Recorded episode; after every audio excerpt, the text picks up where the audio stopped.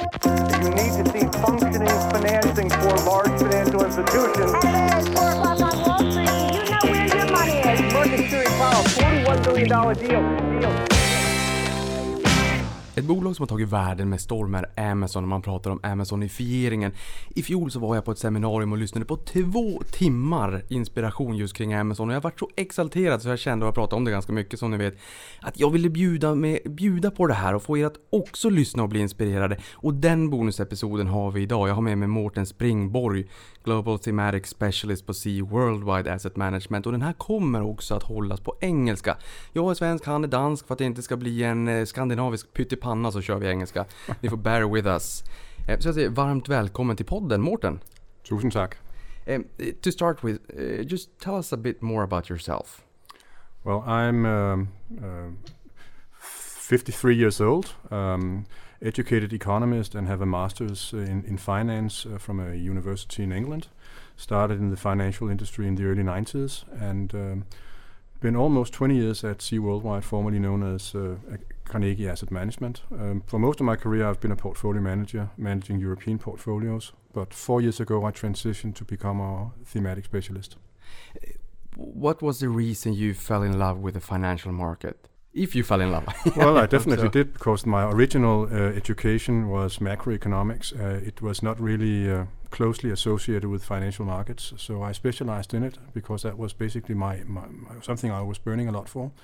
And and the funny thing is, wh- when I was in at university, there was one place I really wanted to work at, and that was w- that was with Michael Randl at the C- at the Carnegie Asset Management. Uh, it was a very very uh, successful business in the early two th- uh, 1990s, and um, something I, I wanted to aspire to. I managed to get into the business of uh, C WorldWide as, uh, as management in 1999. That's amazing, and you're still there, even though C WorldWide it's a spin-off. But uh, 1999, it was kind of an interesting time in the financial markets as well.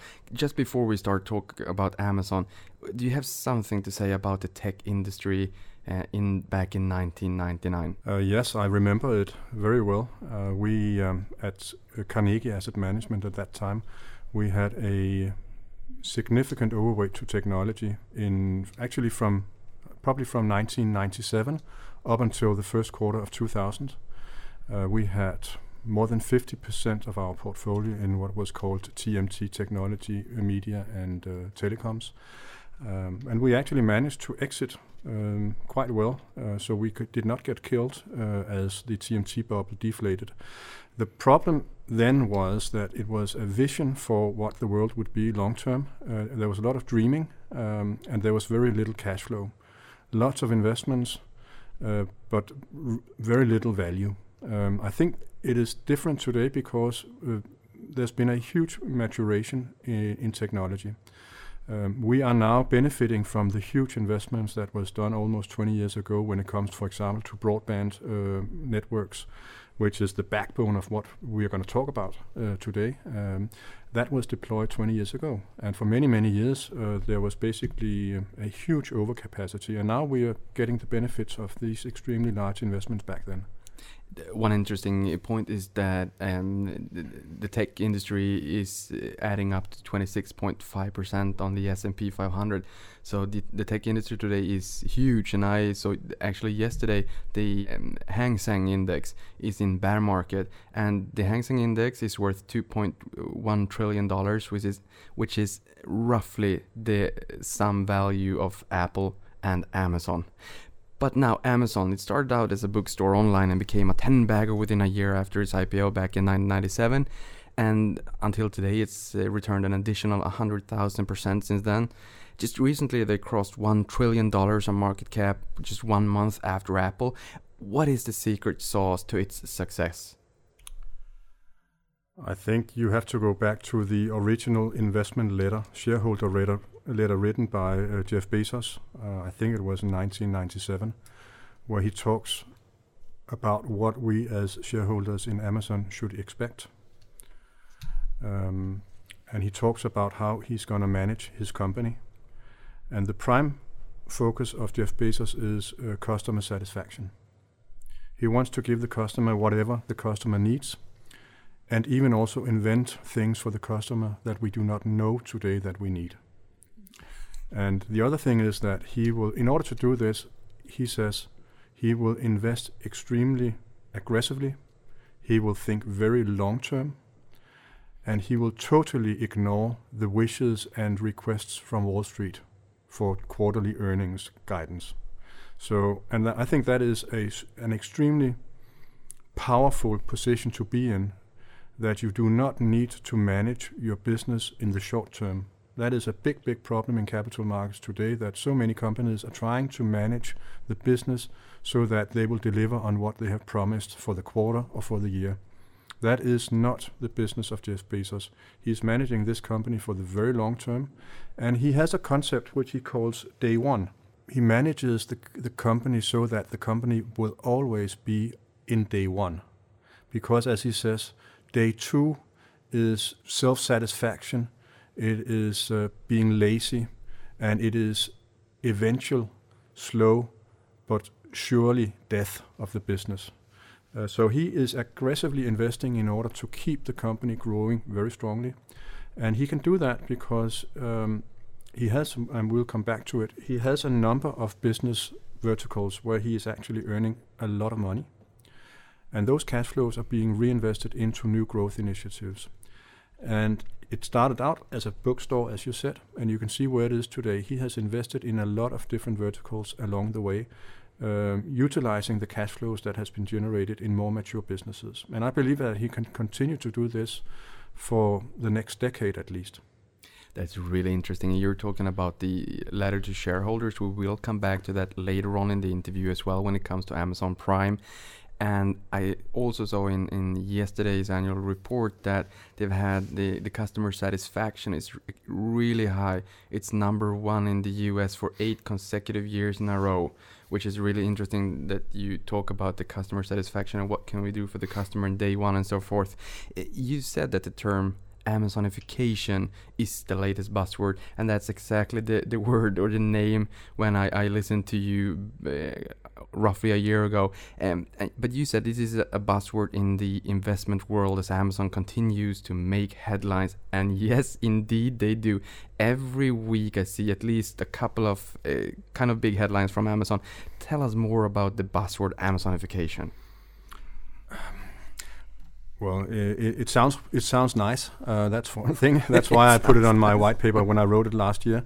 Um, uh, the other thing is that um, I, I guess the world is being Amazonized in that Amazon is is is hitting more and more industries and sectors as it expands. Um, as you most likely are fully aware of, um, uh, it is not that long ago that Amazon, together with J.P. Morgan and uh, and Warren Buffett, uh, Berkshire Hathaway, announced a new initiative in trying to lower the overall costs of the U.S. healthcare system, and that's a big end market to attack. And I'm sure that it's going to take a long time, but it's also something that potentially can give um, a new growth leg to to the Amazon business longer term. They are now investing in pharmaceutical business models. Um, so that's just one example of Amazon branching out into newer business areas and Amazon Amazonific- a- Amazonificizes the world economy.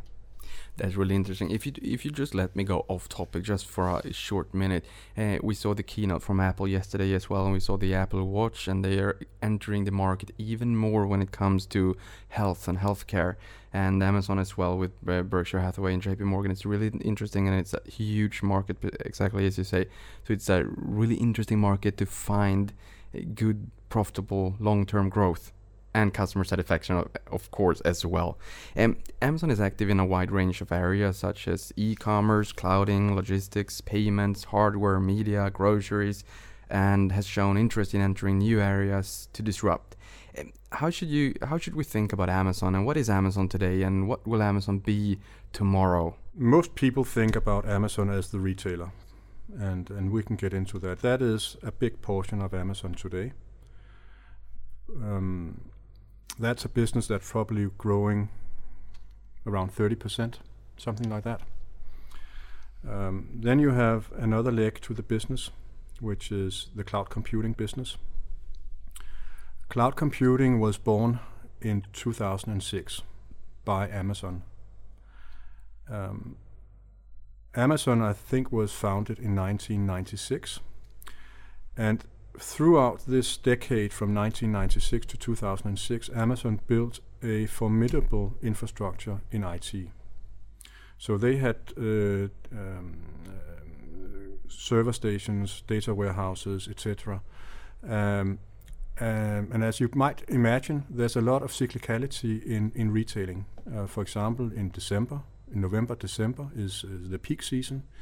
Uh, but then when you get into, uh, because of Christmas, of course. And Black Friday. And Black nowadays. Friday, yeah. And then um, when you get into January, it's much more quiet. And, and uh, Amazon was building its business, its server parks, in order to be able to cope with business at peak levels, which meant that they had a lot of surplus capacity in January. And then a, a very uh, intelligent, smart guy came up to Jeff Bezos and suppose, su- suggested that maybe we should try to sell not only books and, and other retail stuff, but also our, our IT competences to, to, to companies that would require it because we have a lot of capacity, idle capacity. Uh, and that was uh, when uh, cloud computing was born. Uh, and in the early phases, it was mostly um, science departments at universities or startup businesses. Uh, for example, Spotify is running on Amazon uh, Web Services. A lot of the new, uh, uh, very, very rapidly growing companies that we now have as, as household na- names like Spotify or Netflix or Twitter, they are all born in the cloud. They have never invested in their own IT services. Uh, and they have been basically growing, growing up with Amazon Web Services. So what we're seeing uh, more recently is that um, the more conservative large companies, the Fortune 500 companies, the largest in Sweden, the largest in Denmark, are now also gradually transitioning to the cloud. Uh, we had an announcement a couple of years ago, I think now, from uh, GE, General Electric. Uh, I believe they had 44 uh, data centers around the world, and they are transitioning now 43 of them to Amazon Web Services. uh, so they will retain one, and this is, um, I think, a, a, a very important message that one of the largest companies in the world have have told have now recognized that IT is not GE's core competence. They do other stuff. They do uh, big engineering, for example, or they do uh, jet engines or windmills, whatever. But IT is not a requirement any longer because you can buy it basically from a third-party uh, supplier. Um, and by the way, Amazon, sorry, GE also said that they will save uh, around 50% of their IT budget by moving to the cloud, to the AWS cloud, and at the same time get better services. And and there's maybe we'll I'm, I'm sure we will return to it, but um, um, I actually believe that uh, we will have a sustainable, very high growth rate in in cloud services in the years ahead, because companies will start to new, utilize new services that they did not have themselves, but will be supplied to them from the likes of um, of uh, Amazon, Microsoft, and Google. This is really extremely interesting. I mean, on premises, on prem is going off prem. As you say, for the Yeah. companies saying, Yeah. okay, IT is such a big part of our business, is such, it's really important for us to be up all the time. It's 99.99999% of the time. We maybe cannot do it ourselves with the expertise. We don't have it in house. We're growing rapidly. We need to get in the expertise and just focus on what we can do, our core business model and this will i guess to uh, make on on-prem uh, decreasing and and clouding Absolutely. And and, the, and I think the the parallel is if you go back hundred years ago, um, big companies used to produce their own electricity because there was no central supplier of electricity. So therefore, you had uh, industrial complexes. Uh, situated around rivers, so you could have uh, electricity from the water. Um, and eventually, we had the central power stations built out, and people, uh, the, the companies, uh, stopped producing their own electricity. It wasn't necessary any longer. It's completely the same thing happening now. And longer term, uh, IT will be a utility like electricity. Um, I believe that uh, artificial intelligence is going to be something that you just pull out of the wall. Um, basically, uh, it's going to be a, a utility service for, for, for individuals and for companies. Uh, and um, it will be supplied in the West by three companies. But do you think clouding will be a commodity in the future, or do you think that there are some really unique uh, selling points from, example, Amazon and Amazon Web Services that that will lead companies to go there? We've seen Alibaba saying we are pulling out of the U.S. because the the competition is too harsh. I don't think it's a it's a commodity, and I think it's going to take a long time before it becomes a commodity, because what uh, Amazon Web Services and uh, Google Cloud Services and and Microsoft Azure is doing is really advancing um, technology at the edge. They are the real drivers of innovation in technology today, um, and it will take a long time before the more advanced forms of compute is being commoditized. I was just uh, last week. I was in Israel uh, and talking. There's a big, big uh, um, subsidiary of Amazon Web Services in, in Israel, and they just talked talked about the 27 different types of compute that they offer to their clients, depending on the client's needs. So no, compute is not a commodity. It's it's uh, highly value added, uh, but uh, obviously there's lots of cost cost compression here. But what we perhaps is underestimating is the migration of computing to the cloud companies. So um, I've been waiting to see Amazon Web Services having lower top line growth. Uh, it is the largest by far of the three, but it's still growing 50% per annum. And I actually believe that's going to continue for a foreseeable future. That's amazing as well. But I mean, you're talking about migration uh, from on-prem to off-prem to the cloud. Um, what about the um, um, when when a company has chosen Amazon Web Services and I've had that for quite some time? How large is the um, how do you say in in uh, Buffett is talking about the vallgrav the um, Total addressable market, or uh, no? no it's mo- more the moat. the mode, sorry. Yeah. I should have Yeah, taken that. yeah, sorry for you listeners as well. the mode. When you've been a customer at Amazon Web Services for some while, is there a, an increasing mode uh, and r- resilience to change to Azure or Google? Yes and no. I believe that as companies advance to the cloud, they get experience, and suddenly they find out that they have all this data they did not know about before, that they were not using, that they suddenly can start to use. For example, by utilizing the AI applications that is being offered that they did not have themselves. Uh, so you have to recognize that um, the companies in the world have a huge amount of data that is just idle, lying there, not being used for anything. And as companies get more um, comfortable with and more experienced using the cloud service companies, they will also start to experiment with what they have internally of data.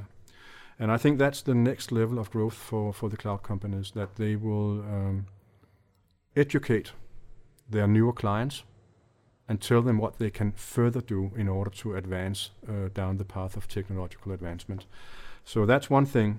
When I say there's also the perhaps a, a competition between the three, is that there are also a lot of different technologies. Uh, it's called containers, for example, that allows companies to move jobs in between the the three. Um, I'm not a techno- technology uh, uh, guy in a company, so I have no idea about the um, how how how um, how necessary this is. Uh, I, I believe there is, there's not that big price differences between the three. I think it's still more a question about uh, the products and capabilities of the three. Um, and then perhaps also login effects. I believe that Azure, for example, Microsoft is going to be a very, very big company long term because um, we are now starting to see the transition of the largest of the largest companies uh, to the cloud, and obviously that is where Microsoft has its stronghold. So um, Amazon Web Services have been very, very strong in, in upstart companies and the smaller segments and university environments, for example. And now it is um, it is um, Microsoft. But then Google, for example, um, is probably the most advanced when it comes to um, to AI applications. Uh, I think that Amazon Web Services would object to this point that I'm telling, but but that is my feeling. Um, uh, and I think that that is going to be a driving force of the growth of uh, of Google Web Services in the years ahead. That I feel that they are very very competent when it comes to AI. But when I listen to you, I realize that the growth of the market, it, it seems like it's so big, so rapidly growing. So it might be space for the three of them, even though they don't need to cut the, the market shares of each other, the market is actually growing so fast by itself. So it's room ahead to grow for all of them. You said a 50% clip, maybe a decade uh, Yeah. in the future. Yeah, and I actually think I believe this is a um, this is an area that's going to be quite resistant to recession. Eventually, there's going to be a recession. It might come in two years' time. We don't know. Uh, at that point, you can fear that the growth in cloud services will go down, but you can also actually imagine that it's going to accelerate, or at least stay very high, because there are so big uh, cost uh, um, cutting potentials in movements to the cloud. So, so I think it's a resilient industry. I think we are in the early phases of growth. Um, um, I used to work with the, the idea that the total addressable market for cloud computing was around $300 billion. And just to uh, compare, um, right now, Amazon Web Services has a yearly run rate around 25 billion, but growing 50%. And um, Google and Amazon, sorry, Google and Microsoft are way below. Um, so let's say that today the three combined have a market of 40 in a total addressable market of 300. So we are in the early innings. Last week I talked to, to these guys at Amazon Web Services in Israel, and, and they actually work with their, own, the internal um, um, kind of ideas about what is the total addressable market, and they think 1,000 uh, billion dollars um, is the addressable market. Who knows? But what I can tell you is that uh, Amazon Web Services is, on our numbers, the fastest growing large company we have ever seen. That's really interesting. That's something we will come back to Yeah. as well. And you said uh, one thousand billion dollars, one trillion dollars Yeah. is this is the same amount for the addressable future market as Amazon has in market cap right now, roughly, or Apple, one trillion dollars. Yeah. Um, just one last question on uh, Amazon Web Services before we head on. Um, do you is the the growth of um, Amazon Web Services, if we try to look at it uh, part by part, is it the large companies putting some of their backend, some of their IT to the cloud, or is it the the data harvesting, the da- data mining, and to drive insights from your customers' data in order to hire the the revenues, or is it maybe um, consumer services like I used to upload pictures or I use Netflix or something like that. What is what, what's driving the, the growth for Amazon Web Services? What kind of uh, data and IT? Well, in, in up until un, up until recently, I would say it has been the growth of companies like Netflix and Spotify and all the very very fast growing um, smaller companies that has now um, evolved. Um, but as I said, um, large companies are, are, are moving to the cloud, and and and they are starting very carefully with applications that are not central to to to their core, uh, just testing it out.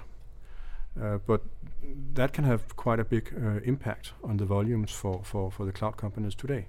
So, for example, uh, just an example, um, uh, Worldwide a year or two years ago uh, actually moved to the cloud, but we have a very gradual program for, for this transition because we also have some some uh, applications that are core to our business and that we cannot allow to go to to, to, to, to have problems with. So we started with, with more simple applications like mail, for example. You can also see that. Uh, so so companies will start with the more simple simple uh, simple products, and then gradually, as things work out fine, they will move uh, more and more deep in deep into the cloud, and then when they have the experience, a couple of years down the road, they will start to use the much more advanced uh, services, uh, where basically today you have what I would call a democratization of artificial intelligence. Like artificial intelligence is something that is extremely complex. You have to build and train deep neural networks. And who can do that? I certainly cannot. And there's I a mean either. no, there's a huge scarcity uh, of people around the world that can do um, advanced AI or any type of AI. Um, and Amazon Web Services and Google uh, probably also Microsoft have um, have realized that we have a problem here because this is the roadmap. We're going to go this way. the The world will be AI driven, um, but we don't have the people uh, to do it for us. So so they have these companies have built plug and play applications for AI. Uh, so basically, normal IT uh, uh, employees in our company, for example, could utilize these uh, programs in the cloud and get new, completely revolutionizing insights into what is what what kind of knowledge do we have in uh, uh, yeah, knowledge do we have in our data, and how can we monetize that? So that is going to be the next driver. That's amazing. When I started here at this company at Avanza, we had four billion data points every morning, and I was just frustrated because I, it's not my work, but I don't realize how to exactly draw the insights from that data, and that's the data revolution. And um, when, when you um, when you go back to your Amazon friends in Israel, you can just ask them when they are going to enter the Swedish market as well. just just one more thing that it really pops up in my head is when you said that this is not the core business, we're not putting the core business at Amazon Web Services, but maybe in the future when we have tested it, we might do really critical processes that can never go down. Last year I was in Silicon Valley and I was visiting this company Equinix and Keith, the security officer, said, "Now you're in the heart." Of the internet. Maybe not, but that's what he said. He works at the company, so um, uh, that's maybe why he, he say say that. But but uh, that's really uh, processes that can never go down. And what happens to Amazon Web Services when they have companies saying, "All right, we have tested you. We we know that you have uptime. That we, we know that you can deliver this." What happens to the pricing? What happens to to the to the uh, to the margins of Amazon Web Services, and what happens to to the revenue and, and earnings when companies coming back to Amazon Web Services saying, all right, you can get our most critical processes. And of course, we will pay more because it can never go down. So we, are, we, we can pay for it as well. I think we still, uh, may, they might have some pricing power, but, but, but I, I, would say two things. I think that technology is a deflationary uh, industry. So I have very di big difficulties seeing that we're going to have uh, price increases for this. Um, uh, the other thing is that I believe competition would solve any problem. Uh, there are going to be three big um, cloud companies in the West. I also believe that we're going to have a fragmentation of the world economy, uh, not only when it comes to cloud or uh, digital platforms, but I believe that we are now, this is for an another interview, but I believe that we are facing a world where we will have a division uh, between East and West, maybe between Europe, the US, and Asia, uh, and which means that we will have um, um, companies in the east that will be dominant there, and we will have companies in the west that will be dominant here, and there will be very little um, competition between the two because this is of national interest, security interest. No way Alibaba or Tencent would be allowed to come in and play a dominant role uh, when it comes to technology, cloud, whatever, social networks in the US or Europe, and vice versa. With Chinese owners and the Chinese yeah, government. Yeah, yeah. Mm. So, so that's uh, interesting as well. You saying that the, the, the competition, maybe when Alibaba said that the competition was fierce and harsh in, in the US, saying we're we're backing down from the US market, it might be because of this as well. Because if I would be an American company, I would be, I, I'm not sure if I would upload sensitive data on a company from China. No. I'm sorry to say. But there's also a difference in scale. Um, please excuse me, I'm not completely updated on, on Alibaba's uh, cloud business, but I don't think I'm completely wrong when I say the the revenue run rate is around one billion dollars compared to 25 billion. That makes a huge difference when it comes to pricing of your products. Amazon Web Services. It's an it's amazing, but we need to we need to move on to something else. we need to move on to something that we all need every day in order to survive, and that's food. So last year, Amazon bought the grocery chain Whole Foods for 13.4 uh, billion US dollars, and therefore entered the market worth 800 billion dollars. Whole Foods will not be the dominant player, but the whole market is 800 billion dollars in the US what do you think is the long term plan for Whole Foods and entering the grocery market? Well, as I see it, um, there is a huge competition, primary, well, it, it started obviously in the US, but it's getting to become a global competition between Walmart and Amazon. And they are competing from two different points of view, points, starting points. Obviously, Walmart is coming from the physical world, and uh, Amazon is coming from the e-commerce world. And I think the business models will will will will uh, converge. Maybe not hundred percent, but they are moving closer and closer to each other. Um, um, Walmart a few years ago bought a company called Jet.com, and it was an amazing in, uh, acquisition because up until then, Walmart had been extremely poor at executing its e-commerce strategy. And they bought Jet.com, which had a, a fantastic CEO, very uh, a big visionary. He recognized that he could not compete against Amazon on his own, so he needed to have a stronger um, parent. And the combination has been very, very good. And um, and and and you can, if you go to the chart, you will see that that Walmart has have had a, a renaissance, um, because Walmart is now starting to execute also on e-commerce. Uh, by the way, they have also recently bought a, um, a very expensive company in India, where they all, well Walmart now will will uh, compete head to head with Amazon uh, in in India. And they said no to Amazon. Yes.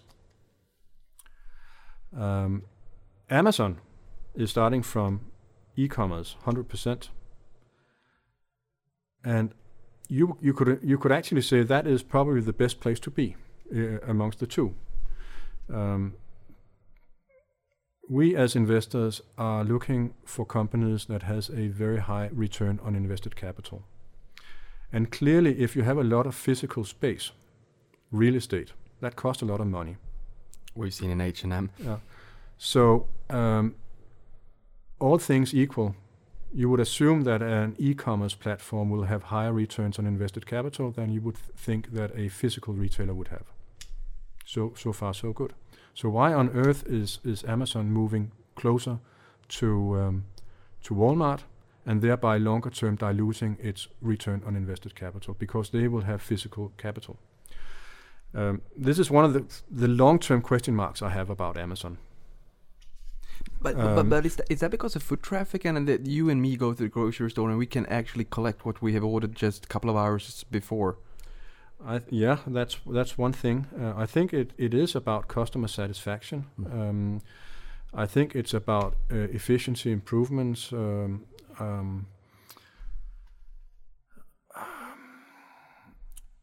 and when it comes to logistics, just to come with one example of why this is this this is uh, this is inevitable that it's going to happen. Um, last mile deliveries is the most expensive thing.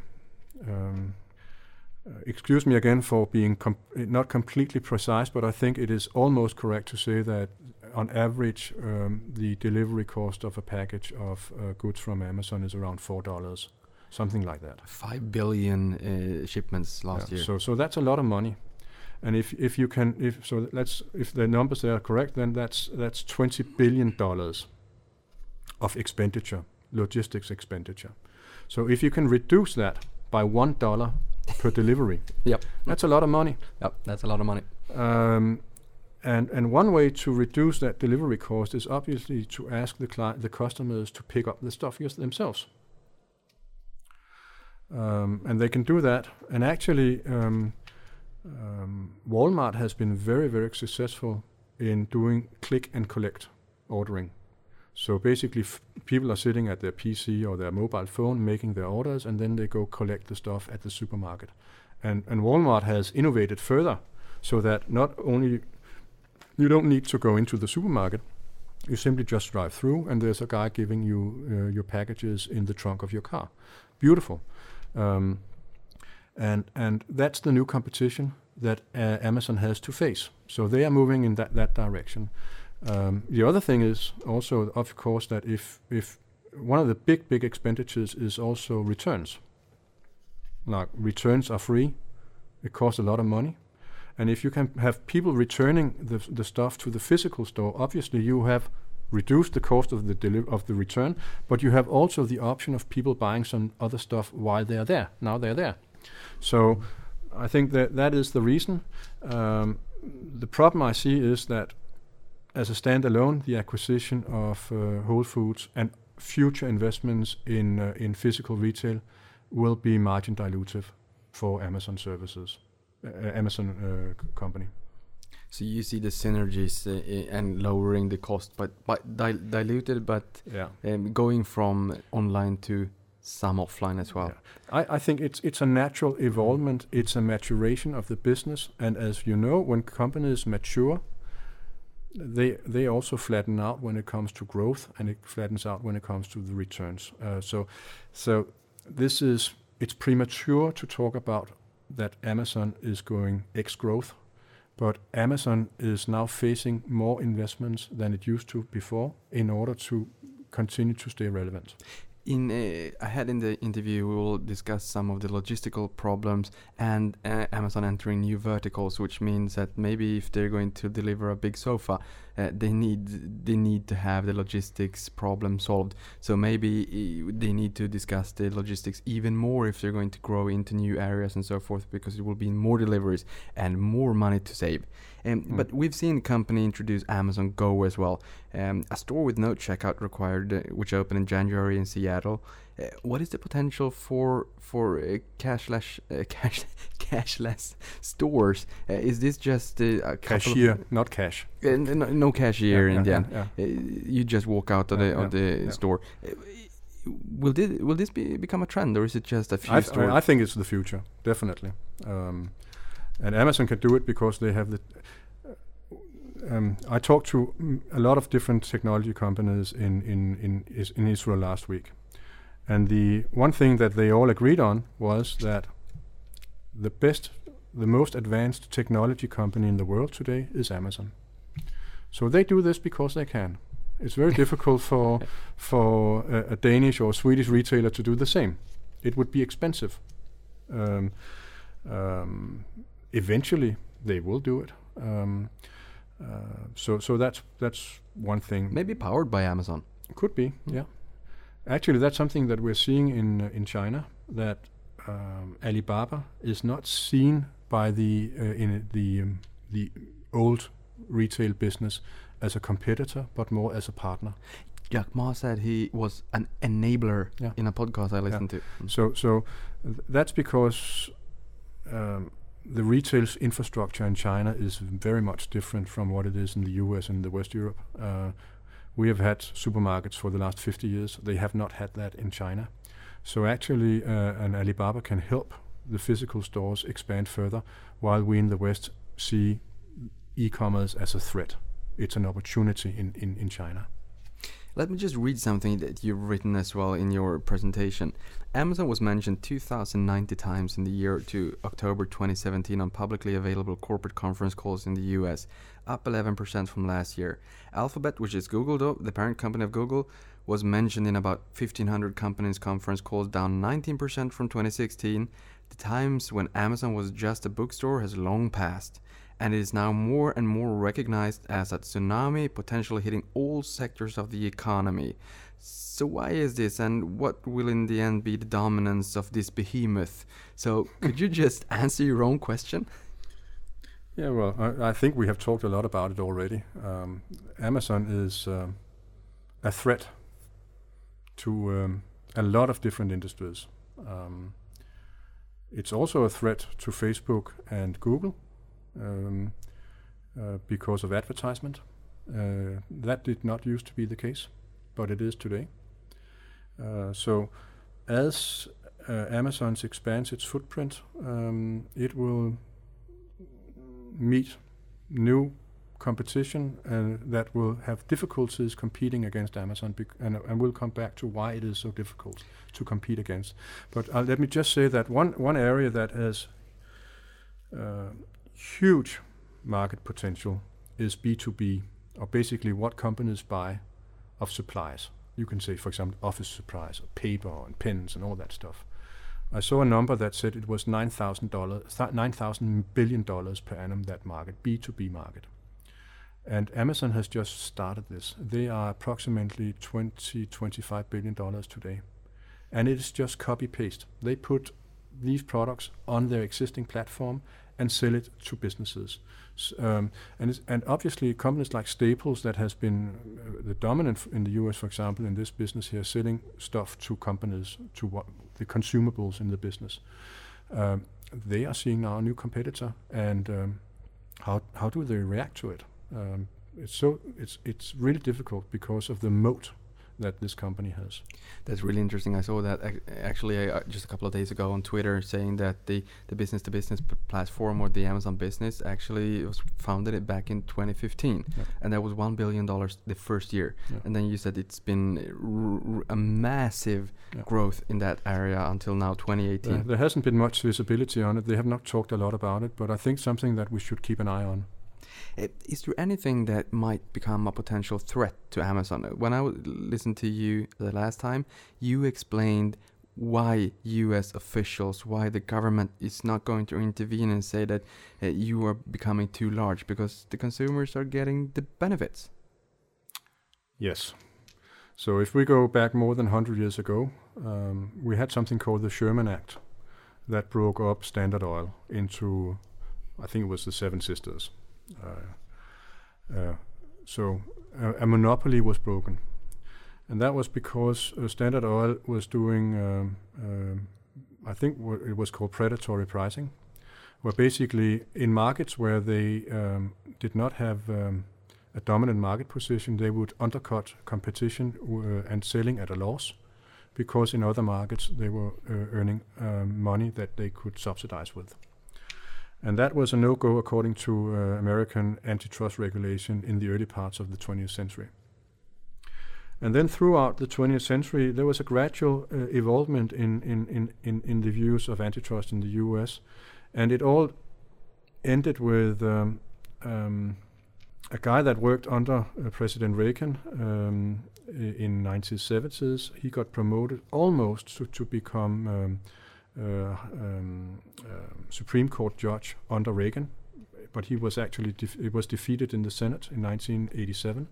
But he has been instrumental in defining uh, the current U.S. antitrust law, and that is basically saying that as long as the consumers benefit, uh, there's no problem.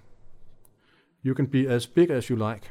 You can be as vicious a competitor to other companies as you like, as long as the as the consumer is the beneficiary.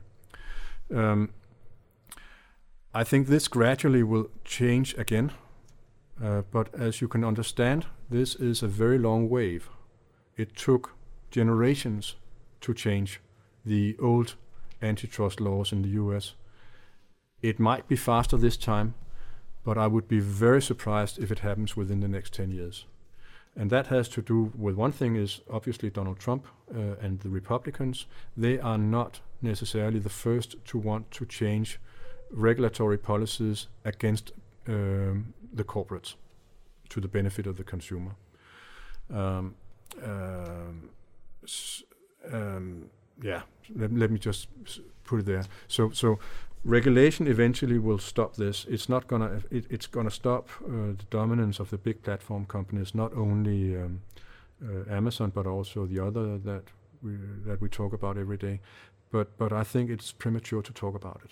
Yeah, I listened to another podcast, another English ones uh, in Amer- in the American market, where uh, uh, a person who drove an own company said, "I cannot compete against Amazon. I had my own company, and now it's gone because I couldn't uh, stand up with the competition. Because even if I go under the water for some time, losing money." Amazon can be under the water for longer time. It, they always Yeah. have the largest uh, air tank. Yeah. Oh, but tha- then then they should use Amazon in order to to um, get to their customer. So and that is Amazon as a platform for your expansion, and perhaps we can talk about that uh, down uh, through later in the interview. Yeah, we've seen different uh, shares of different companies and sectors. Um, when Amazon saying that we are going to enter this market or that market, and we have seen that they are taking big hits when it comes to the pharmacy, when it comes to home furnitures, and when it comes to uh, groceries and so forth. Do you see another sector that we haven't discussed today that Amazon is perfectly fit to enter in the future? Million dollar question. Yeah. Um, well, one thing is uh, they are here. I'm going to mention two uh, where they are, but I think they have very, very small positions today, and they will be dominant in the longer term. And that is um, online advertisement and it is media. Let's talk about the on- online advertising because that's something that uh, uh, even I have seen uh, discussing a, a lot uh, in, the lately on internet and saying that it might go up against Google AdSense, the Google ad ads, um, and where the companies can just bid on to get higher and higher expo- exposure on the Amazon website with 400 million items. That's something that you've learned me before. Tell us something more about the advertising and how big that can be. Well, the, I think the starting point is that you would imagine that when Americans do their original product search, like when an American goes out and say, "I, I want to buy a bicycle," uh, where should I buy it? What What do I want? Where can I see reviews of it? You would think that they would go and do a Google search. Uh, now these these numbers are a little bit old. Uh, I think they're at least one year old, but 27% of Americans did a Google search in order to find the bike. 57% started on Amazon website, Amazon.com. So, and, and why do they do that? That's because they know, well, for the first, and we'll come back to Prime, that's because they are Prime members. Um, and because they know that eventually they will buy the bike there anyway. So they might as well just start on Amazon. So, okay, Amazon has the traffic. It has, on original product search, double the traffic of Google. So, why on earth should Amazon not also develop an advertisement business? Why on earth? Yes. Exactly. So, that's what they've been doing. Um, and it is uh, growing more than 100% per annum. Um, and the numbers is let me say, uh, it's probably around $10 billion today of advertisement revenue for, for Amazon, which is more or less 100% profit margin, That's an amazing. right to the bottom Right. line. That's a really an amazing fact. I mean, i- if you have a physical store today, if you want to be in a mall, say Mall of Scandinavia is a large one in Sweden, um, I guess you're paying for the foot traffic as well. Yeah. So you've got a huge amount of digital foot traffic on Amazon.com. So why in the earth shouldn't they have the advertising? You said it perfect. Many people think the valuation is hefty on Amazon and that they don't earn any money. People say, but last year the revenue was 1,600 billion Swedish crowns, and estimates says that they will reach 3,000 billion Swedish crowns by 2020. EBITDA, earnings before interest, taxes, depreciation, and appreciation, has doubled since 2015 and is estimated to grow 500% from 15 to 2020. Earnings exploded 1200% in Q2 when they are uh, saying, okay, th- there might be some profits. We're not just reinvesting everything. How do you think investors should approach the Amazon valuation? It's a this, it's a topic, a never-ending topic. What's your what's your view on it? Forget earnings, and forget earnings, and forget earnings. uh, uh, the company is not managed to maximize earnings. The company is managed to maximize customer satisfaction and thereby growth. And eventually, the company will be very profitable. Uh, I read a report um, recently that said, and, and, and I guess these models can throw out any kind of number, but they were they were trying to argue with this constant saying in the market that Amazon is uh, extremely overpriced by saying that if Amazon stopped investing today, This sounds really interesting. Mm. The margins would not be close to zero, but they would be EBIT margins would be 14%, which is a huge number for a retailer. But then you have to realize that Amazon is not a pure retailer. And what has happened now, you mentioned that earnings, the reported earnings are exploding right now from very, very small numbers Yes, to, yeah. to a little bit larger numbers. So earnings are growing much faster than top line today. And that is very simple, that's easy to explain. That is because Amazon is growing very rapidly in high margin businesses. We talked about advertisement. That is close to 100% margin. How do they get? How do they offset the money they earn? So that is one thing that is growing extremely fast. And then you have we have not talked about Amazon Prime yet.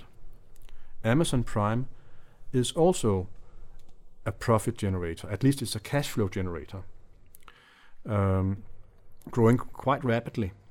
And then you have obviously Amazon Web Services that is also a very high margin compared to retailing. So as these bits in the overall uh, pie becomes larger, obviously the margins will grow for Amazon. So we are in at at an inflection point now, I would say, where we are trending up when it comes to margins. I actually believe that uh, it would be counterproductive for Jeff Bezos to be too profitable, because investors would be uh, nervous that he had stopped reinvesting everything. The investors want the growth; they do not want profit. They're used to the growth. Yeah. So, so if, it, if you get the earnings instead, you're saying, hey, do, don't you find any interesting, profitable? Yes. yes. And, and I think there are so many areas where Amazon can invest, both geographically but also in different different verticals. I think the, the PE and, and stop looking at the earnings and the PE multiple uh, due to earnings explosion in Q2. The earnings explosion, as you said, is from very very low levels. It's from 40 cents up to five dollars. Um, the PE multiple has fallen to all time low, even though the share price is keeping uh, has kept increasing from PE of 541 in uh, 2015 to 116 estimated this year and to 53 expected 2020. Uh, I've already stopped looking at the earnings. The only thing I want to say is that with uh, estimated earnings growth, the, the hefty 500 PE ratio back in 2015 can fall extremely rapidly. Oh yeah. Mm. But what what what I would s- if if you want to have and, and obviously we we monitor valuation, but how do we do that when we don't look at earnings? I think one one way that has worked historically is to look at Amazon's valuation from the point of view of enterprise value relative to gross profits. So EV divided by uh, gross profits. And that historically has been around eight times. Now, because it has doubled over the last year, it's not only eight times, it's probably closer to 11. I, I haven't looked recently. Um, so you can say that Amazon in the short term is quite expensive. So you could you could use this as a timer timing um, device in order to say, okay, if, if I want to move into this company, I risk not earning anything on my investment the next year because the 11 times is going to go down to 8. It's not a problem for us because we are long-term investors. Amazon is growing its top line 30 40% per annum and therefore it will grow into the multiple as we say. Uh, as long as growth does not come down uh, significantly, we think that the equity market will continue to value um, Amazon Web Ser- uh, uh, sorry Amazon on, on on on these rather high multiples as it was already doing. It is a little bit expensive today, but next year, if the share price does not do anything for one year, it is cheap again. Thank you very much for the rule of thumb. I think many people, you, uh, you listener, maybe just uh, press pause and just write it down and continue to listen. That sounds good. And it's all, it's all. Uh, when you say that, I start to think it's my, like buying a tuxedo. If you if you lose some weight and tu- the tuxedo becomes too too big uh, with the valuation, you just sit on the buffet and just eat eat eat, and you're eating yourself Yeah, into the tuxedo yeah, once again. yeah. Uh, If we go back to 97, when the Amazon uh, share became a 10 bagger, the first year it was initial public offering in 1997, I can understand why some investors took some profits, even though I sh- think people should be long term. But uh, if you kept the stock, you would be greatly rewarded. The e commerce market boomed, and Amazon became number one online in a rapidly growing uh, market across the world with a market share of 4.6% today and a growth rate of 26%. This is numbers from 2016. Is this just the beginning? How should we think about the online market globally? 4.6% today, a rapidly growing market share uh, that's growing 26% a clip. Uh, people that think, hmm, online and they are they're already number one, they need to defend their share and so forth. What would you like to tell them about the growing online market globally? Well, first, I don't recognize the 4.6%. I think that sounds way too low. Uh, but anyway, Not in the US, it's online, it's globally. globally, yes, Mm. but still, Still, because the US is not a leader, actually. Uh, you have some countries around the world that are much higher than the US. like the UK or Scandinavia or China, South Korea, uh, to a certain extent Japan. Many markets are, and, and the US is not really when it comes to e-commerce or to fintech or whatever. It's actually a developing market. Um, but anyway, um, I have tried to think about when online peaks out. And it's difficult to get a good feeling for when that happens.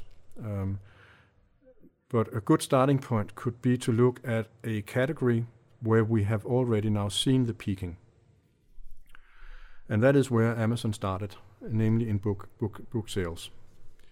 Um, I think uh, three years ago, um, more than 50% of US books were sold online. And since then, we have actually seen small, a little bit growth coming back to physical bookstores. So I would say that the book market has been settled now.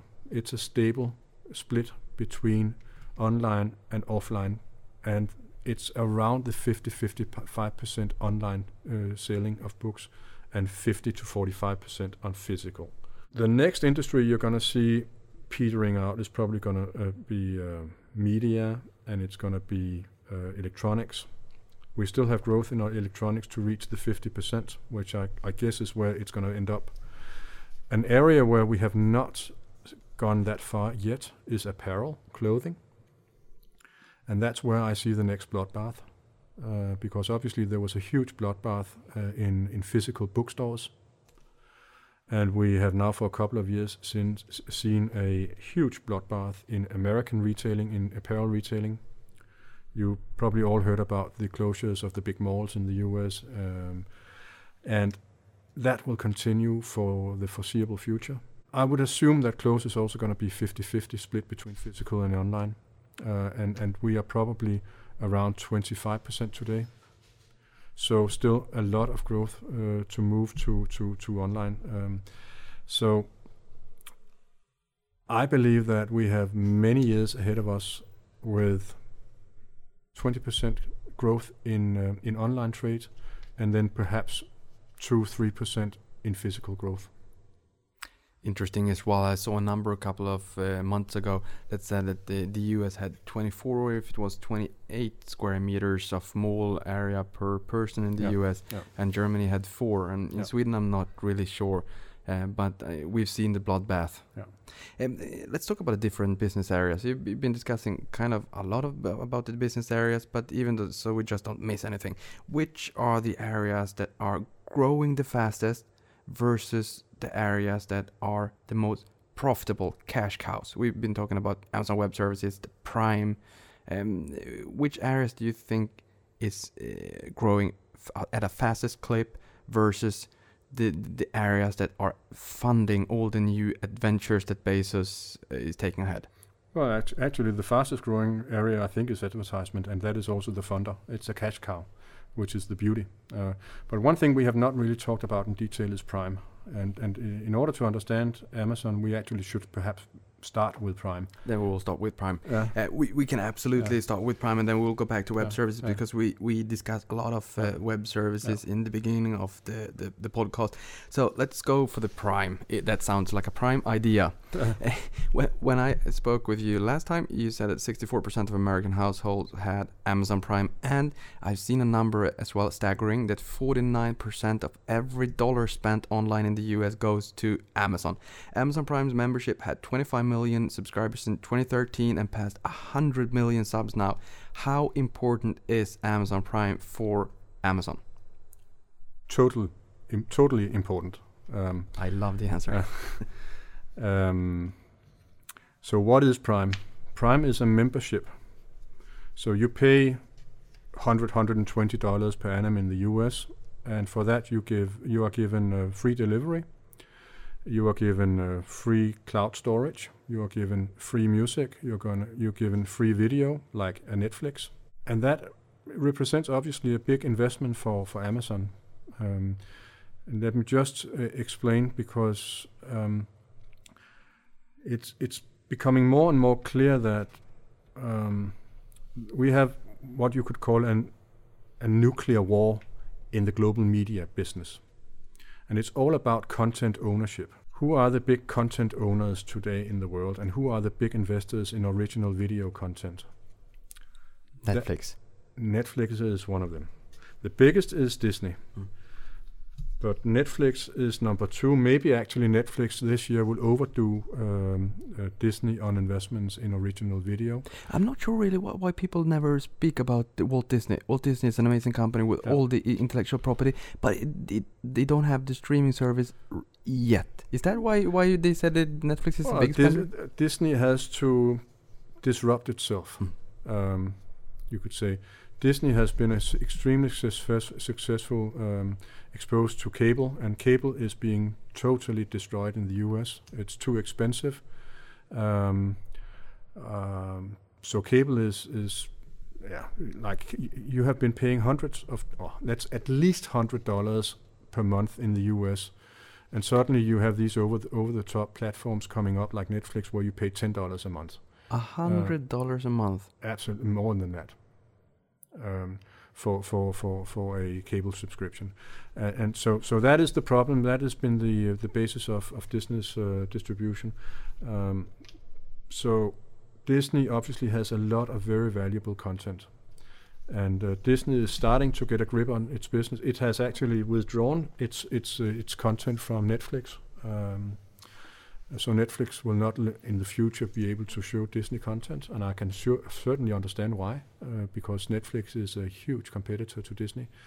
Uh, but just to return to Amazon, um, Amazon wants to drive Prime memberships. They want to have the world becoming Prime members. And in order to do that, they stuff the Prime uh, uh, subscription with lots of goodies. And one of them is all this video content. So actually, Amazon is almost last year invested almost a couple of billion less than, than Netflix, but very close to the size of the investments that Net- Netflix does. And and the the unfortunate thing for Netflix is that Netflix has to earn its money selling a subscription for, for, for video, while Amazon is just doing this in order to incentivize us as consumers to become Prime members. It does not need to earn money on Amazon Video. Um, uh, and that's actually something that a lot of companies is facing. That Amazon is investing a lot of money and don't need to invest, uh, sorry, no, does not need to earn money on it. Uh, where these companies that is going up against Amazon needs to earn money. Uh, you can say the same thing with Spotify. Spotify is also a subscription that cost me 140 kroner uh, per month. But if I had a Prime membership, I would have Amazon Music for free. Uh, so, in the long term, I'm I'm a little bit uh, ambi- I'm uncertain about Spotify. I think there's space enough in the market for for Netflix um, uh, and Amazon, um, uh, for that matter, um, uh, because uh, there's a migration uh, of subscribers to these very very large platforms because they are investing so much more than anybody else. Like we talk about investments of perhaps 10 billion dollars per annum in video. Uh, svensk TV, how do you think they're going to do? Or dansk TV, how's that going to do? I, I, I love this. You said in the beginning of the podcast that if you are thinking about how you should think about Amazon, just go back to the shareholder letter from 97, 96, maybe uh, when they were founded, or 97. not sure about the, the exact year. Um, and I, I would just like to read something that Jeff Bezos uh, put in his annual letter last year. As a founder of Amazon, Jeff Bezos in his 2016 letter to shareholder highlighted this in uh, we want Prime to be such a good value. You'd be irresponsible not to be a member. Please be responsible. Join Prime. But uh, wh- why is that? You have actually explained already why they do this to incentivize people to become Prime members. They uh, actually shipped five billion item items last year to Prime members. Uh, the only thing I'm just wondering about when do they need to start their own logistics company? Except the, the, well, the well, physical stores. Before coming to that, uh, I will just just about the irresponsibility of consumers not being Prime members. Um, I think it was J.P. Morgan that last year made an analysis of the value of Prime to an uh, uh, to an American household, and it is uh, it, last year it was seven hundred and twenty dollars the value of the Prime membership uh, compared to a cost of hundred. So obviously, if you do not take this offer, you are irresponsible. irresponsible. And, and, and why is Jeff Bezos and Amazon giving so much value away? The simple answer is that you change your consumer habits when you become a Prime member. So, on average, a US uh, person not being a Prime member spends approximately $800 on Amazon per annum. On average, the Prime members spend $2,500. And when you have had your Prime membership for 10 years, Prime started in 2006, the, you increase your purchases on Amazon tenfold uh, to more than $6,000 per annum. So that's why Amazon has Prime, and that is why Prime is so important because it drives a change in your consumption habits. You, so you when you buy, you simply just order an Amazon Prime, um, and you get all these subscriptions. Like for example, you have these buttons next to your uh, to your washing machine in the U.S. now, where you just push the button, and then the next day you have your washing detergent delivered uh, to your house. Um, that is pre-programmed what brand brand it is. Beautiful. Uh, so Amazon would like to have subscriptions for all this boring stuff that we as consumers buy. And that is also a problem for the supermarkets because uh, that's, this, this is perhaps something for another talk. But there's a huge change in the way that uh, the supermarkets are being operated. And I talk about the death in the center of the supermarket where we have all the boring stuff. Um, the detergents and the, the all the, the cans and all that stuff that is not really exciting to go out and buy. I would say most of that stuff is moving to a subscription model, and it's primarily going to be Amazon that is going to be the delivery. That's really interesting. You say the boring stuff. Um, what happens in the future? Because Amazon Web Services, they're talking a lot about artificial intelligence, the Internet of Things, and so forth. Many buzzwords, but I, I guess it's not just empty buzzwords when it comes to Amazon.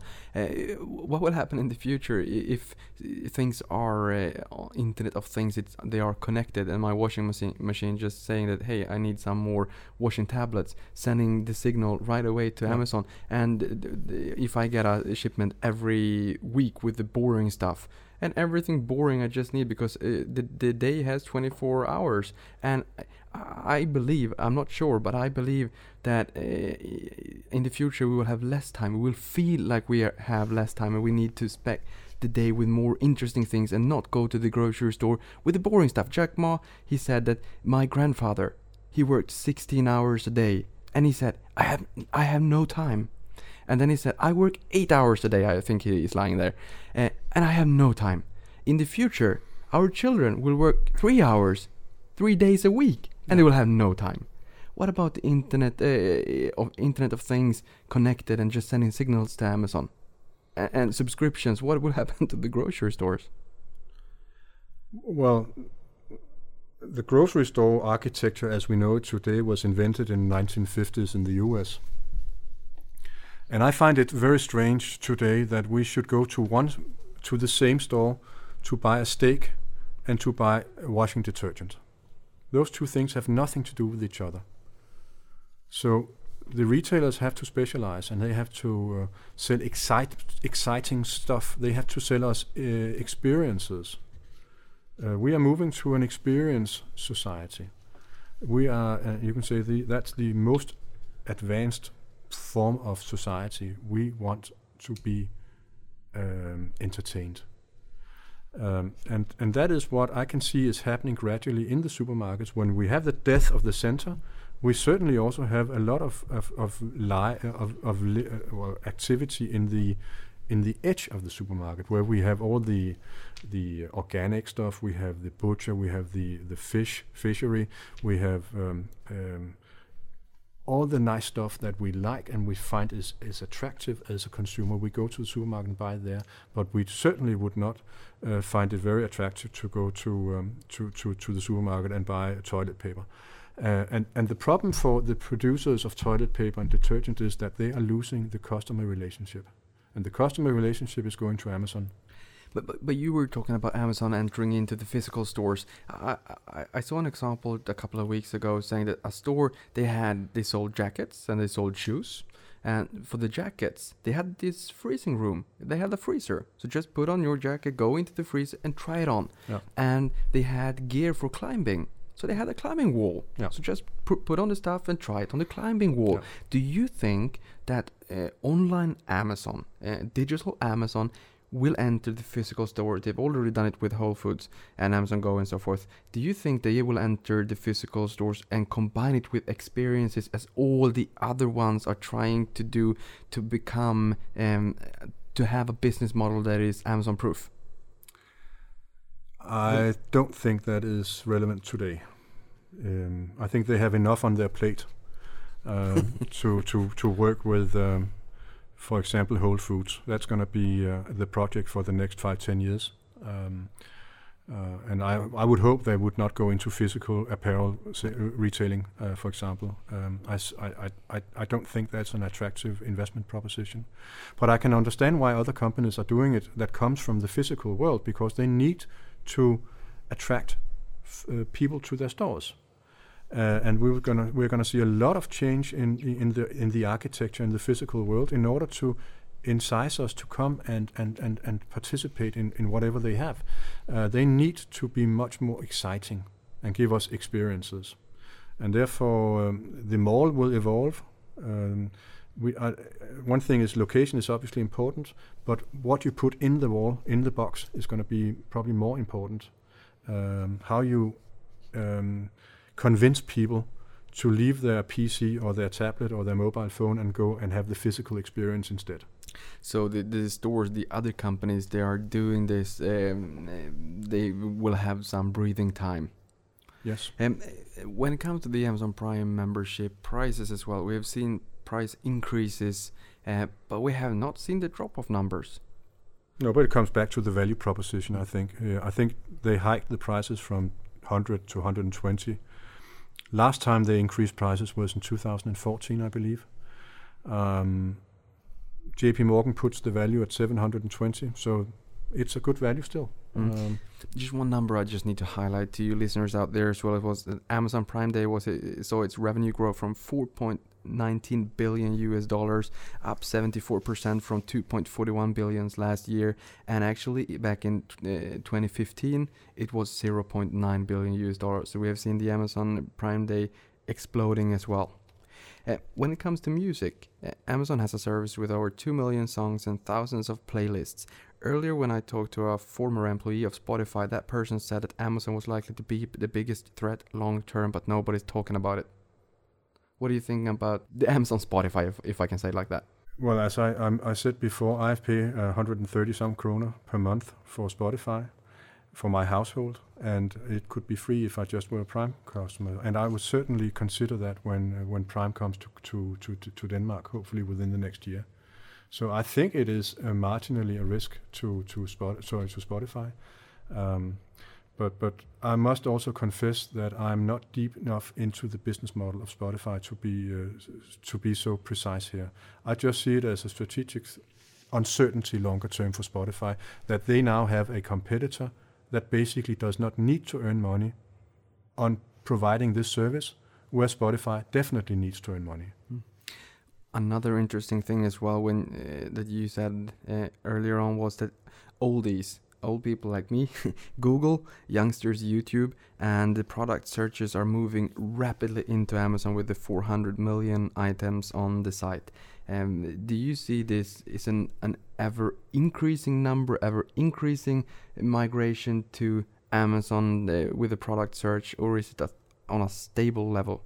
Um, I, I, I don't believe that Amazon will be 100% of anything. Uh, uh, there is going to be competition in different uh, verticals. Uh, for example, in the US, there is a successful company that sells furniture, uh, Wayfair. Uh, they are online. Um, uh, the, the stock has performed well, not as good as, as Amazon, but it's been a, a good performer. So I believe that in certain verticals, you will see um, companies being able to go up against um, Amazon. Another vertical is is is where uh, Home Depot is um, with uh, household stuff and uh, tools and all that stuff. Um, in Denmark, we have a company called Silvan that is uh, the similar of um, of uh, of Home Depot. I'm not really sure what it is in Sweden, uh, but that's where wh- where we men go in the weekend and buy our stuff for the garden, etc. And that's a vertical that has been difficult for, for Amazon to dominate because one th- one thing is that um, um, the stuff that Home Depot sells is something that we like to buy physically. We like to go down and have a look. Um, um, and the other thing is that Home Depot in the US has a huge scale advantage, and therefore they are actually quite competitive on pricing. And the third thing is that also that the um, small business owners, the um, they um, they have accounts at at um, at Home Depot, uh, and they like to be able to go down when they are missing a spare part for something, a, a kitchen. They can go down and get it immediately, um, and they have a, a, a they run up a bill there. They get good service and, and recommendations, and that is something that uh, Home Depot has been fantastic at doing, giving good customer service, and that's perhaps the way to compete against Amazon, to be specialized and to be completely focused, razor focused on customer service. Interesting. In Sweden, we have Hornbach and Bauhaus and K-Rauta Yeah, and Bauhaus. so it's a forth. Bauhaus, yeah. Yeah. Um, and a lot of people in the US are actually exactly as you say, talking about Home Depot as um, a business model that is Amazon proof, and you've just explained why it uh, might be Amazon proof. Um, another th- another trend that is interesting is uh, the moving into voice assistants, such as Amazon Echo with Alexa at home, in your car, on the hotel room at Marriott hotels now nowadays, and so forth. Tell us more about the trend and what's so interesting about it. Y- You had four thousand uh, devices that could uh, connect uh, with uh, Alexa in January. Now it's 20,000 um, devices that can connect and uh, like, like your lamps and so forth with Alexa. Well, to begin with, um, Alexa is a, uh, uh, I say a digital perso- personal assistant, um, and the speaker is is called Edge. Um, Al- Alexa is competing against um, other digital assistants. Google has its digital assistant. Microsoft has it. It's called Cortana. Um uh, Samsung has one called uh, Bixby. Not very successful so far, but they are working on it.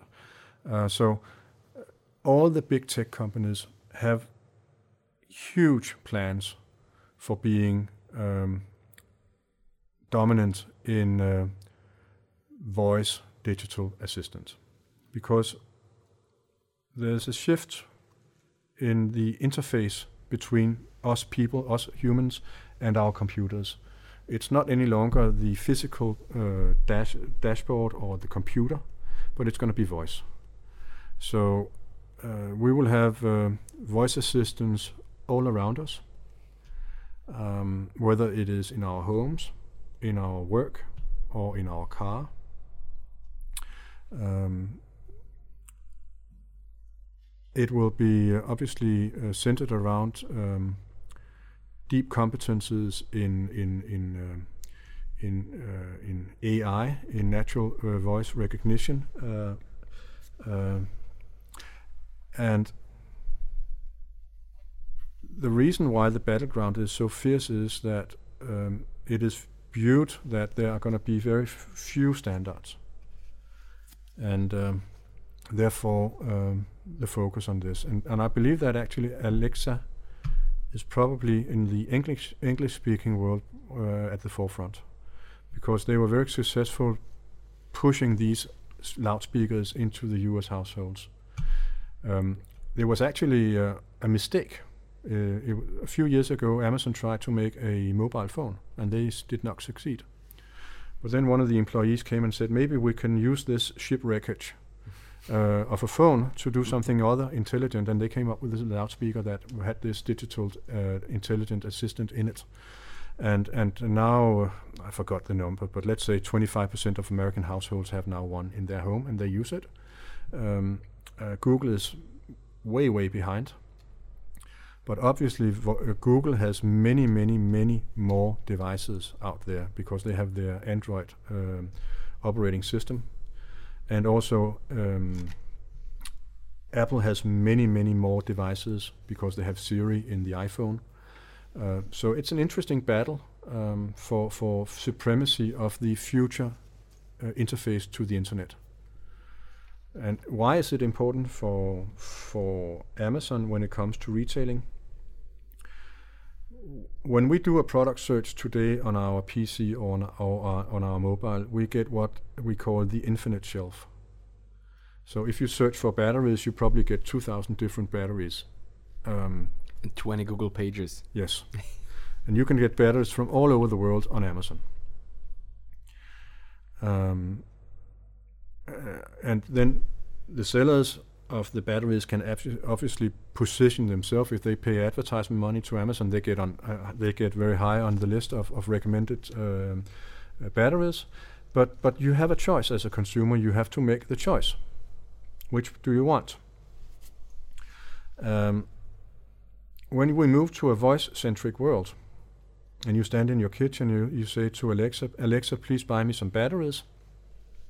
If you have not specified what you want, Amazon will simply come out with a suggestion for you. And many times it would be Amazon's own battery. Amazon today is the largest battery in the US, Amazon private label battery, uh, when it comes to online um, uh, batteries in the US. Um, and that's obviously a problem for Duracell. And that's when voice becomes probably an accelerator of advertisement for Amazon because there is no alternative now for Duracell. They need to advertise on Amazon in order to not being pushed out. That that is extremely interesting because the last time I was listening to you, you said the exact same thing in the kitchen and so forth, and I, I was just uh, pointing up this picture in, in in my head, saying that my my little dau- daughter is coming screaming and being a bit sad, and says that my my toy the, the batteries are empty, and I'm just standing there making Swedish meatballs, and oh, g- g- oh my hands, I, I cannot Google with my computer, so I, I- I just say I need some batteries, and, and she says, all right, do you want these? I say, yeah, well, yeah, yeah. I, I will trust that the, the, the choice I get, the, the one choice I get, is the best choice, and it will be the white label, it, and it will be better margins for for Amazon. And uh, if I'm a Prime member, and if they come to Sweden, maybe I get free free uh, delivery as well. Maybe Oh, yeah. kind of Yeah, yeah. fast. You do. So And so- actually, also when you do the voice ordering, you get a discount compared to if you ordered it um, Ah, on on your PC, because they want to migrate Yeah. the volumes to the voice. And and this is where this is where it gets extra interesting because you say that the advertising is almost like the revenue almost goes just bottom line uh, Yep. it's very high margins Yes. and if Duracell they're putting billions and billions into the brand a- and a lot of other com- companies as well but if internet migrates to to voice 20% of the searches in the US I've seen are by voice already Yeah, that was some time ago. I have not seen. An, that was more than a year ago. I have Mm. not seen a new number. so so what happens they, they, they need to pay to be the first choice in Yes. voice Yes, but th- but that's that's the case today in the supermarket. Mm. In order to be on the shelf, you need to incentivize the supermarket to put you there. So it's not different. Um, uh, it just shows you that um, maybe the power that Amazon has over the control that Amazon has over its customers is to the detriment of the producers of all these goods here. So the the so the producer of the goods are losing contact with the end customer, and that contact is migrating to Amazon in a way we have probably not seen before. This is, I, I guess this is kind of a tricky question, but due to the fact that if the if it migrates to voice and you get white label choices when you ask Alexa for for some product, it's better margins, and the premium brands need to buy advertising to to become the number one choice. Those two uh, facts. I guess it, if we turn that into money, it's a huge potential going forward that we're not seeing in the price right now. Now we're not talking about the price today, maybe the price in 5, 10, 15 years. Let's let's allow us to be long term. Obviously, it's a profit booster for Amazon, um, um, and especially I would say the move into advertisement. It used to be um, a market that was basically shared between Google and Facebook. Two round figures: two thirds of the market for online advertisement is Google's, one third is um, is Facebook's. Facebook is taking market share from Google, but that's the the the the, the way the land is today. Um, now uh, Amazon has just gone from 2 to 4% market share, global market share on online advertisement, and it's probably be 8 and 10 and 15% down the road. Um, and, and as you say, and it, it is high, high margin.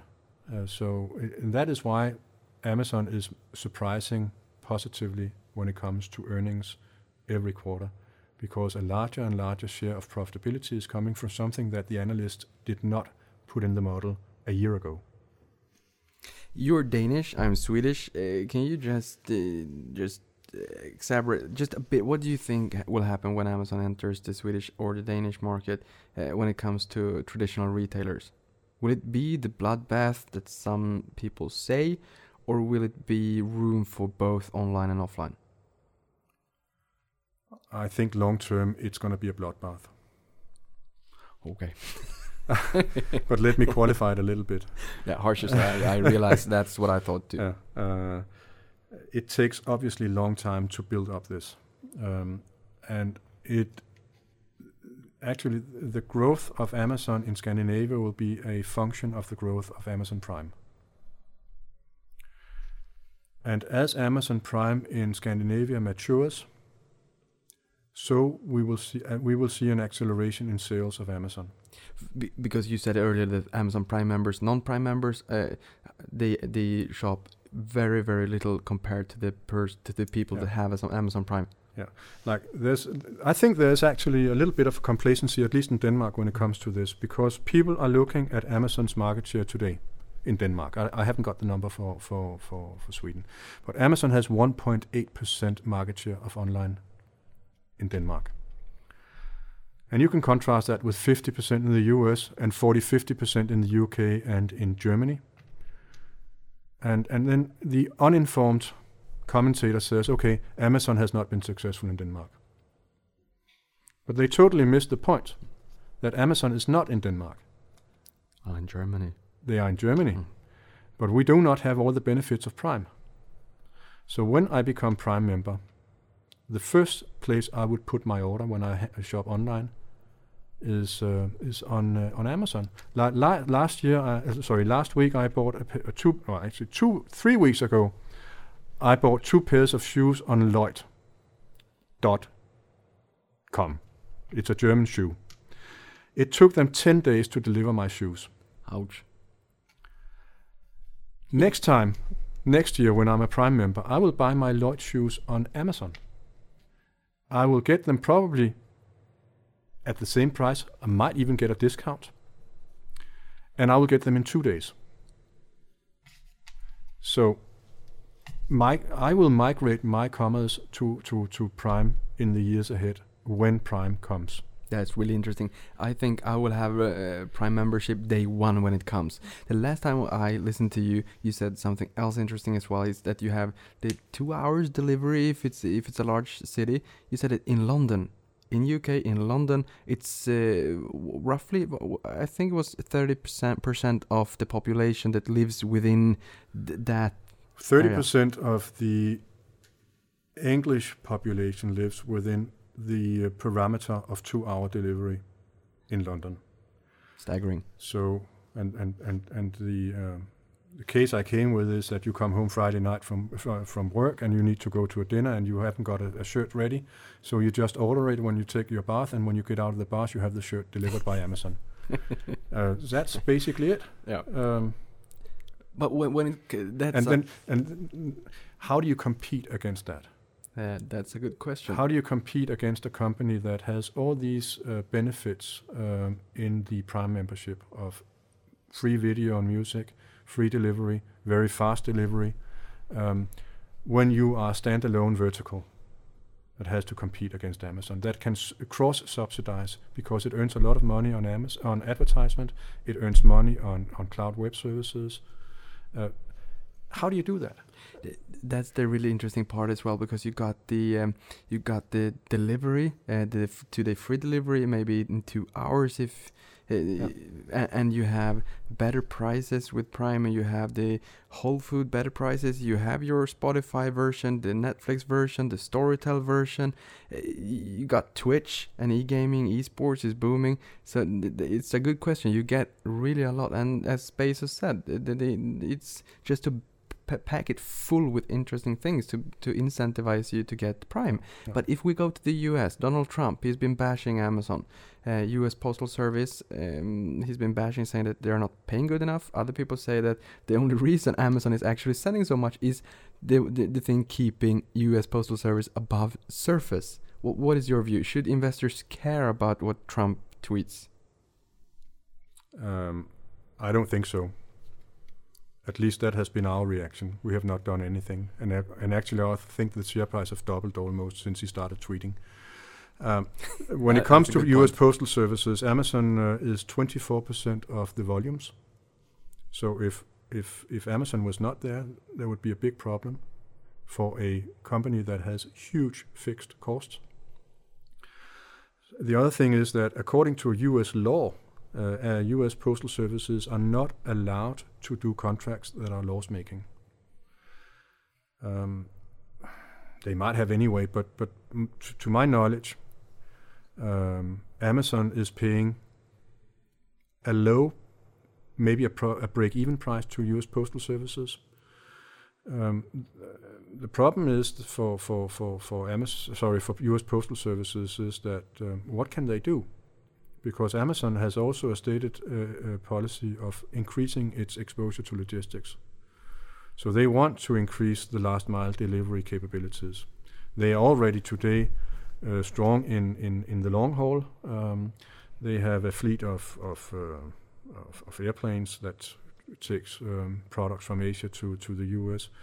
And actually, so another thing that nobody can do that Amazon is doing, they are uh, they're uh, leveraging the artifi- or machine learning capabilities or artificial uh, intelligence capabilities of, of Amazon Web Services. For example, they have uh, made some um, systems that can do predictive order uh, measurements. So Amazon, because of the huge number of customers they have in the US, can actually predict when people will order different stuff. And therefore, before Amazon ever receives the order, they have already ordered the products back in China.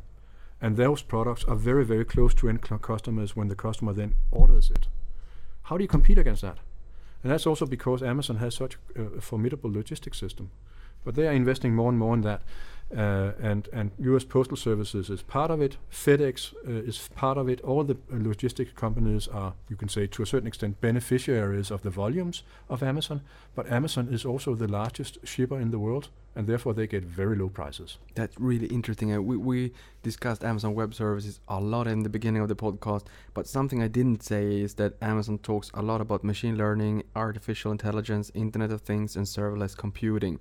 And exactly as you say, it's really interesting that when I see it on the site, when I look at something, that the, the system knows and can predict how the, the, the, the prob- probability for me actually uh, go- going through with that order and, and I, I will have it delivered very very fast. It's really amazing. But something else that we discussed in the beginning of the podcast was the fact that uh, the technology sector on the S&P 500 uh, adds up to 26.5% it's kind it's it's much. Technology sector has been becoming huge but not because of speculations. We have the top line and we have the earnings as well actually.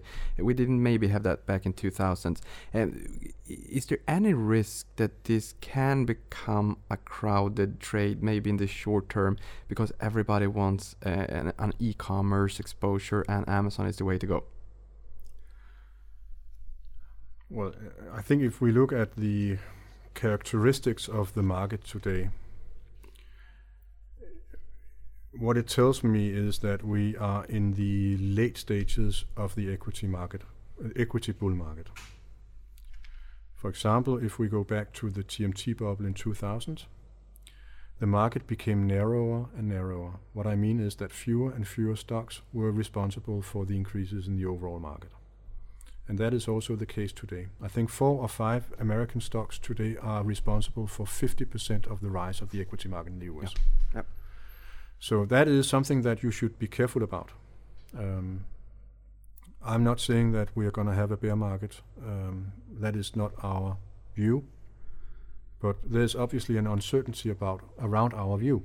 We have no perfect visibility into the market. So we say that the equity market is in the later stages of the bull market. There are still upside to it, and we believe it's going to be continue to be driven by these stocks that we're talking about. Uh, but the risk is that it's getting so narrow that eventually it's going to break. Um, last time in 2000, Amazon, uh, I think it fell 90% in the bear market of the TMT bubble, something like that. 18, uh, something. It was a tremendous uh, collapse. I think the, we are much more mature today. Uh, but obviously, these companies here, also because of positioning in markets, a lot of people are invested, will see significant falls when we enter recession. What I'm trying to say is that that recession will not be the end of the story.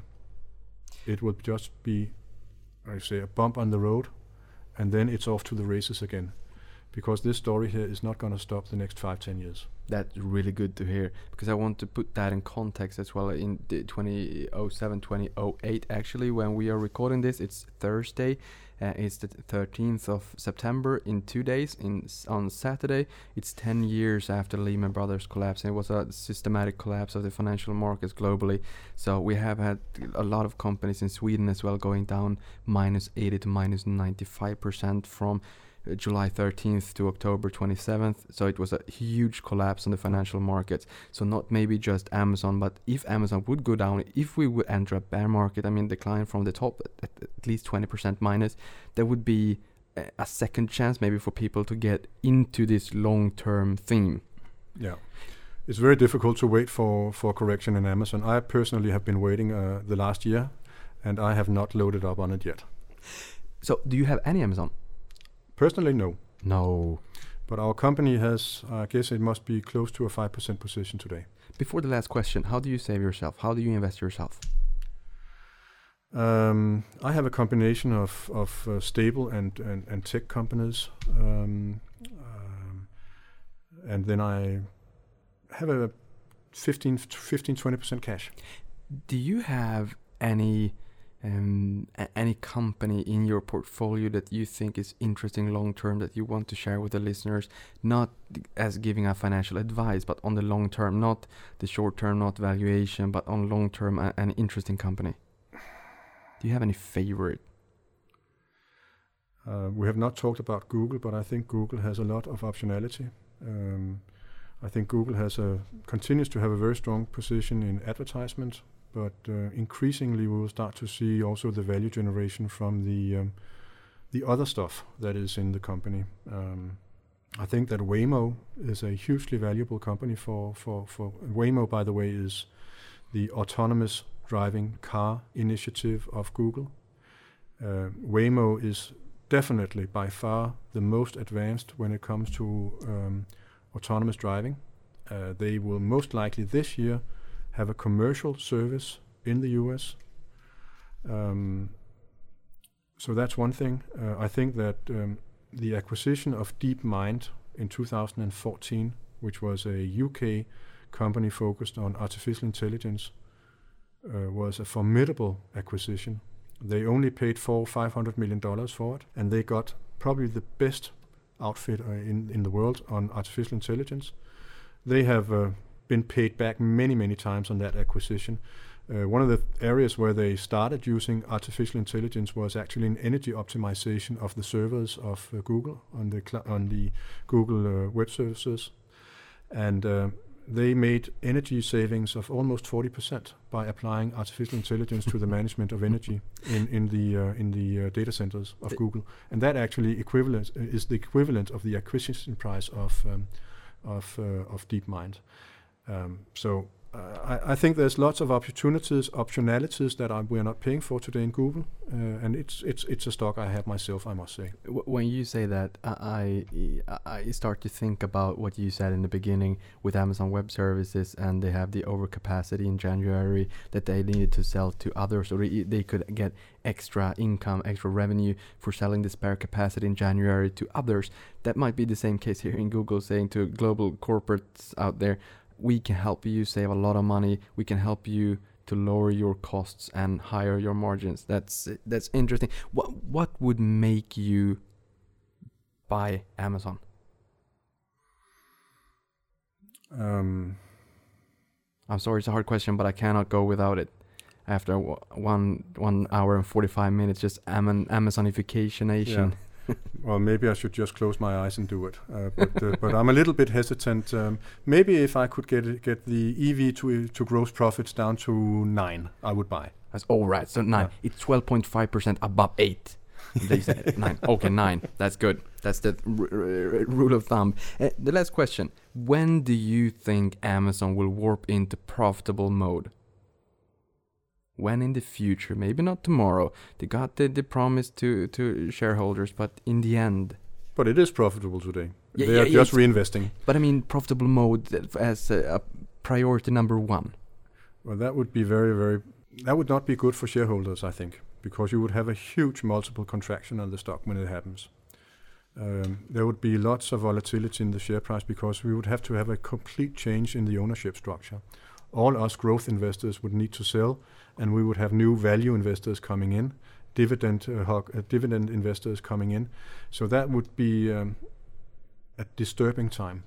Um, when that happens, I don't. s- After after five years. after fires. Morten, thank you very much for coming here, uh, talking about Amazon. It has been a pleasure. Now it's off to Denmark with you. Yes. Thank you. Thank you very much Thank for you for inviting me, Nicholas. $41 billion deal. deal.